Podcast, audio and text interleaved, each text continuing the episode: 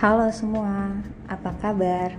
Semoga di mana pun kalian berada, saat ini kalian sedang dalam keadaan yang sehat dan baik-baik saja.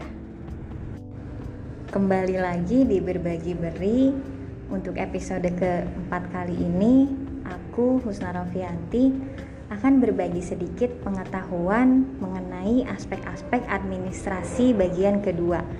Ada komunikasi dan koordinasi, efektivitas dan efisiensi, serta produktivitas. Langsung aja yuk ke materi pertama. Yang pertama ada komunikasi.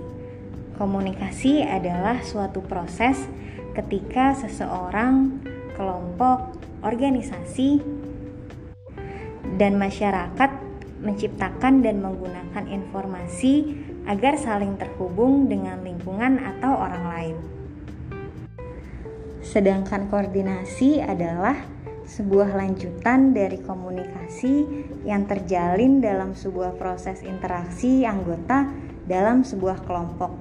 Koordinasi merupakan kegiatan pengelolaan di dalam organisasi. Dalam konteks koordinasi, ada sebuah tujuan yang ingin dicapai. Untuk menentukan tujuan tersebut, maka diperlukanlah sebuah komunikasi. Setelah komunikasi berjalan dengan baik, maka orang-orang akan mengetahui proses tersebut melalui koordinasi. Singkatnya, komunikasi belum tentu memiliki koordinasi, sedangkan koordinasi sudah pasti memiliki komunikasi. Selanjutnya, ada efektivitas dan efisiensi. Efektivitas adalah suatu tingkat keberhasilan yang dihasilkan oleh seseorang atau kelompok dengan cara tertentu sesuai dengan tujuan yang hendak dicapai. Dengan kata lain, semakin banyak rencana yang berhasil dicapai, maka suatu kegiatan dianggap semakin efektif. Sedangkan efisien adalah usaha yang mengharuskan penyelesaian pekerjaan dengan tepat waktu, cepat, dan memuaskan. Efisiensi berkaitan erat dengan ketepatan waktu tanpa harus mengeluarkan biaya yang berlebihan. Sebuah pekerjaan harus dilakukan secara efektif dan efisien agar hasil yang didapatkan bisa lebih maksimal. Ketika suatu tujuan dapat tercapai dengan cepat dan biaya yang dikeluarkan hanya sedikit, pekerjaan tersebut merupakan pekerjaan yang efektif dan efisien. Pekerjaan yang dapat tercapai dengan cepat namun mengeluarkan biaya yang tinggi, termasuk pekerjaan yang efektif namun tidak efisien. Pekerjaan yang membutuhkan waktu lama untuk dicapai atau bahkan tidak tercapai sama sekali karena cara-cara untuk mencapai pekerjaan tersebut tidak jelas, namun biaya yang dikeluarkan hanya sedikit merupakan pekerjaan yang tidak efektif namun efisien.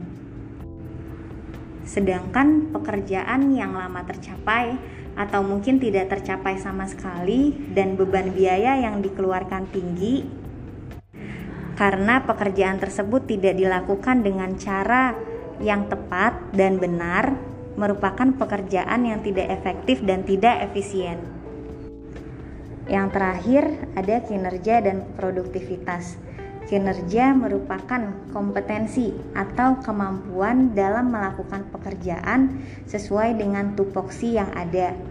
Sedangkan produktivitas merupakan hasil kerja yang dapat dilihat dari kinerja seseorang dengan harapan output lebih banyak daripada inputnya. Terdapat enam kriteria untuk mengukur kinerja. Yang pertama ada kuantitas, yang kedua ada kualitas, yang ketiga ada timeless, yang keempat ada effectivity atau cost, yang kelima ada need for super, supervisor, yang keenam ada interpersonal import. Untuk penilaian produktivitas dapat dibedakan menjadi dua metode, yaitu kualitatif dan kuantitatif. Kualitatif menjadikan jumlah angka sebagai tolak ukur produktivitas karyawan, sedangkan kualitatif menghasilkan penilaian yang lebih subjektif. Pengukuran ini cocok untuk pekerjaan yang membutuhkan analisis dan perkiraan serta tingkat ketepatan atau akurasi. Sekian dulu untuk episode kali ini. Semoga ilmu yang telah diberi dapat bermanfaat. Sampai bertemu di episode selanjutnya. Bye bye.